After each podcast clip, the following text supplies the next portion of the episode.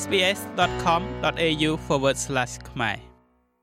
កម្មវិធីប្រព័ន្ធផ្សព្វផ្សាយសង្គម TikTok ដែលគ្រប់គ្រងដោយចិនកំពុងតែប្រឈមមុខទៅនឹងការហាមឃាត់នៅទូទាំងរដ្ឋាភិបាលបរទេសមួយចំនួនសហរដ្ឋអាមេរិកសហភាពអឺរ៉ុបនិងកាណាដាបានចេញនូវការព្រមានដល់បុគ្គលិករដ្ឋាភិបាលទាំងអស់ដែលប្រើប្រាស់ឧបករណ៍ចល័តផ្លូវការរបស់រដ្ឋឲ្យឈប់ប្រើប្រាស់ TikTok នៅលើនោះ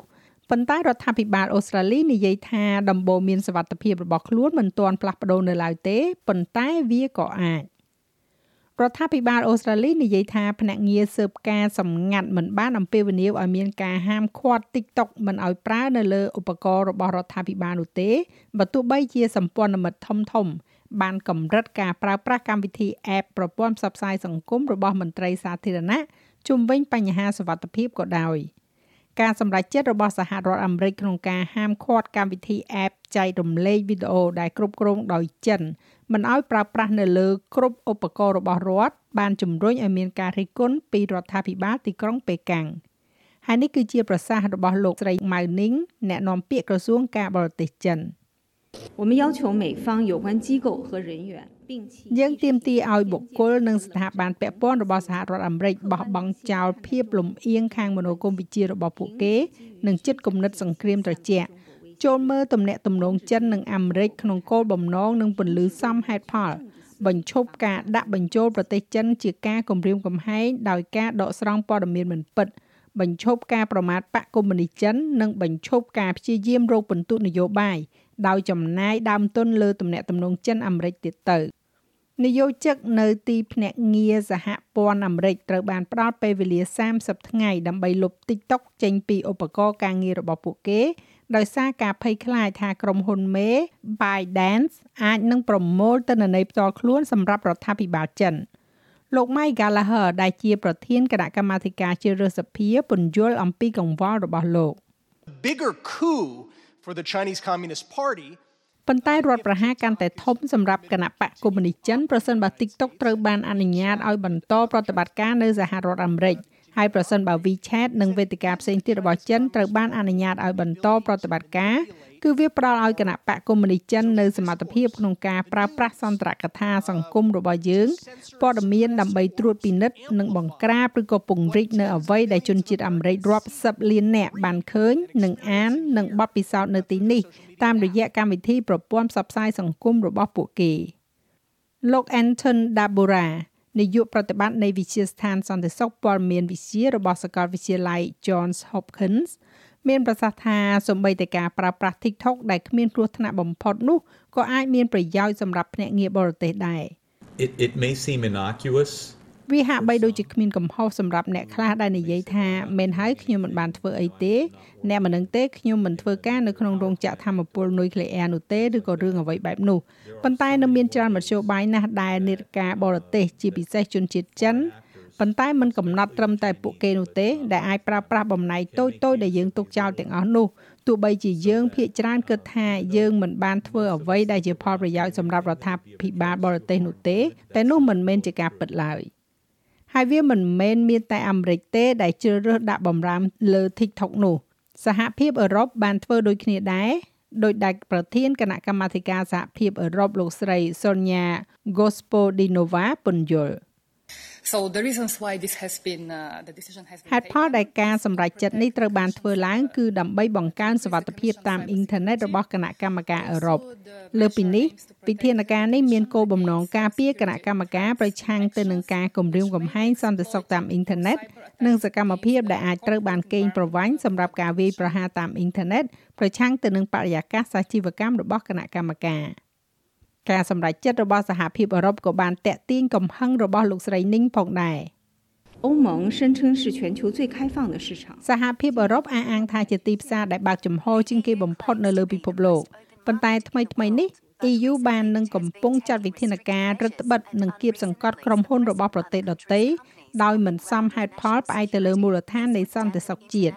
នេះនឹងធ្វើឲ្យប៉ះពាល់ដល់ទំនុកចិត្តរបស់សហគមន៍អន្តរជាតិចំពោះបរិយាកាសធុរកិច្ចនៅក្នុងសហភាពអឺរ៉ុបសហភាពអឺរ៉ុបគួរតែផ្គូផ្គងពាក្យរបស់ខ្លួនជាមួយនឹងទង្វើគោរពសេដ្ឋកិច្ចទីផ្សារនិងការប្រកួតប្រជែងដោយយុត្តិធម៌បញ្ឈប់ការលាតសន្ធឹងនិងបំពានទៅលើគោលគំនិតនៃសន្តិសុខជាតិនិងផ្ដល់នូវបរិយាកាសធុរកិច្ចបើកចំហយុត្តិធម៌តម្លាភាពនិងមិនរើសអើងសម្រាប់ក្រុមហ៊ុនទាំងអស់ ប្រទេសកាណាដាក៏បានចូលរួមជាមួយនឹង EU និងសហរដ្ឋអាមេរិកក្នុងការហាម5នេះដែរនេះបើយោងទៅតាមលោកនាយករដ្ឋមន្ត្រី Justin Trudeau We're making the decision that uh, for government យើងកំពុងធ្វើការសម្រេចចិត្តថាសម្រាប់បុគ្គលិករដ្ឋាភិបាលសម្រាប់ឧបករណ៍របស់រដ្ឋាភិបាលវាគឺជាការប្រសើរជាងក្នុងការមិនឲ្យពួកគេចូល TikTok ដោយសារតែការព្រួយបារម្ភដែលមនុស្សម្នាមានតាក់ទងទៅនឹងសុវត្ថិភាព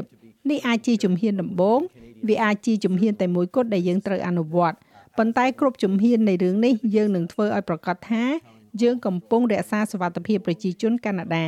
ហើយប្រកាសណាស់ខ្ញុំសង្ស័យថានៅពេលដែលរដ្ឋាភិបាលកំពុងចាត់វិធានការសំខាន់ក្នុងការប្រាប់នយោជិកសហព័ន្ធទាំងអស់ថាពួកគេមិនអាចប្រើប្រាស់ TikTok នៅលើទូរស័ព្ទការងាររបស់ពួកគេបានទៀតទេ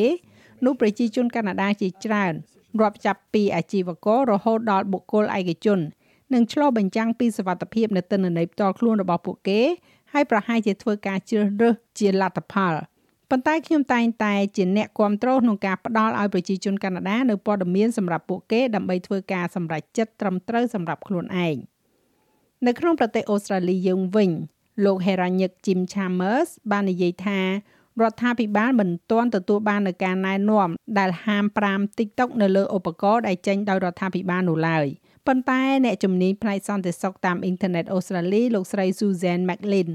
និយាយថាប្រសិនបើរដ្ឋាភិបាលផ្សេងទៀតមានការព្រួយបារម្ភនោះអូស្ត្រាលីក៏គួរតែបារម្ភដែរ Well I think that if anyone actually knew the data ខ្ញុំគិតថាប្រសិនបើនរណាម្នាក់ពិតជាបានដឹងពីទិន្នន័យដែលកំពុងត្រូវបានចងក្រងនៅលើពួកគេ នៅពេលដែលពួកគេប្រើប្រាស់វារបៀបដែលវាកំពុងតែត្រូវបានប្រើប្រាស់និងការពិតដែលអាចផ្ដល់ឲ្យបកគុំនីចិននោះ មនុស្សជាច្រើននឹងគ្រាន់តែដើរចេញប៉ុន្តែគេមិនមានការយល់ដឹងច្រើនអំពីរឿងនោះទេហើយខ្ញុំគិតថាប្រសិនបើរដ្ឋាភិបាលអាមេរិករដ្ឋាភិបាលកាណាដាមានការព្រួយបារម្ភដល់កម្រិតនេះនោះយើងគួរតែពិនិត្យមើលវាយ៉ាងយកចិត្តទុកដាក់ផងដែរលោកស្រី Maglin សម្ដៅទៅលើការដកកាមេរ៉ាផលិតនៅប្រទេសចិនចេញពីអាគាររដ្ឋាភិបាលអូស្ត្រាលី ដោយលើកឡើងពីការព្រួយបារម្ភផ្នែកសន្តិសុខដោយនិយាយថា TikTok ត្រូវតែអនុវត្តតាមសំណើរបស់បកកុម្មុយនីចិនសម្រាប់ទិន្នន័យនិងព័ត៌មាន anything that is a Chinese owned entity អ្វីក៏ដោយដែលជាអង្គភាពគ្រប់គ្រងដោយចិនគឺត្រូវបានកាន់កាប់ដោយគណៈបកកុម្មុយនីចិនហើយត្រូវតែផ្ដល់នៅអ្វីអ្វីក៏ដោយដែលពួកគេស្នើសុំលោកលោក Francina គឺជាអ្នកដែលមានឥទ្ធិពលលើបណ្ដាញសង្គម TikTok ម្នាក់ដែលមានអ្នកតាមដាន3លាន9សែននាក់ លោកថ្លឹងថ្លែងលើព័ត៌មានដែលប៉ះពាល់ដល់អ្នកដែលមានកម្មវិធី app នៅលើទូរស័ព្ទដែលផ្ដល់ដោយរដ្ឋាភិបាល initially it was panic and then I was like oh okay this is not as ដំបូងឡើយគឺដូចជាភ័យស្លន់ស្លោហើយបន្ទាប់មកខ្ញុំដូចជាមិនអីទេនេះមិនមែនជាបញ្ហាធំដូចដែលខ្ញុំគិតដំបូងឡើយអ្នកដឹងទេអ្នកខ្ញុំមានអ្នកតាមដាន3លាន9សែនអ្នកឥឡូវនេះហើយការបាត់បង់ទំនាក់ទំនងនោះជាមួយនឹងពួកគេក្នុងពេលមួយយប់ពិតជាពិបាកសម្រាប់ខ្ញុំក្នុងការកសាងឡើងវិញ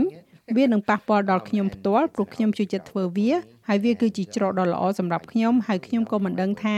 នឹងទៅជាយ៉ាងណានិយាយដោយត្រង់បើគិតអំពីរឿងនោះឥឡូវនេះខ្ញុំហាក់ដូចជាសោកសៅខ្ញុំគ្រាន់តែមានអារម្មណ៍ថាខ្ញុំបានដាក់ការងារជាច្រើនចូលទៅក្នុងអ្វីមួយហើយខ្ញុំបានជួយមនុស្សជាច្រើនហើយពួកគេក៏បានជួយខ្ញុំដែរហើយខ្ញុំនឹងបាត់បង់វាទៅវិញជាឧទាហរណ៍លោក Franchina និយាយថាវាមិនមែនគ្រាន់តែ TikTok ប៉ុណ្ណោះទេដែលប្រមូលទិន្នន័យនោះ To be honest I think និយាយឲ្យត្រង់ទៅខ្ញុំគិតថាខ្ញុំធ្លាប់ខ្វល់ខ្វាយយ៉ាងខ្លាំងអំពីទិន្នន័យរបស់ខ្ញុំប៉ុន្តែនៅលើប្រព័ន្ធផ្សព្វផ្សាយសង្គមខ្ញុំគិតថាមានក្រុមហ៊ុនជាច្រើនដែលទាញយកអត្ថប្រយោជន៍អំពីទិន្នន័យនិងលក់វាដូច្នេះហើយ TikTok នៅក្នុងគំនិតរបស់ខ្ញុំគ្រាន់តែជាក្រុមហ៊ុនមួយផ្សេងទៀតដែលធ្វើរឿងនោះ ខ្ញុំគិតថាទិន្នន័យនេះជាច្រើនដែលមានរួចហើយទិន្នន័យជាច្រើនដែលពួកគេកំពុងប្រមូលបាននៅទីនោះរួចហើយនៅកន្លែងណាមួយហើយពួកគេប្រហែលជាអាចទិញទិន្នន័យស្ដីអំពីខ្ញុំពីកន្លែងផ្សេងប្រសិនបើពួកគេមិនបានទទួលវាពី TikTok ទេនោះ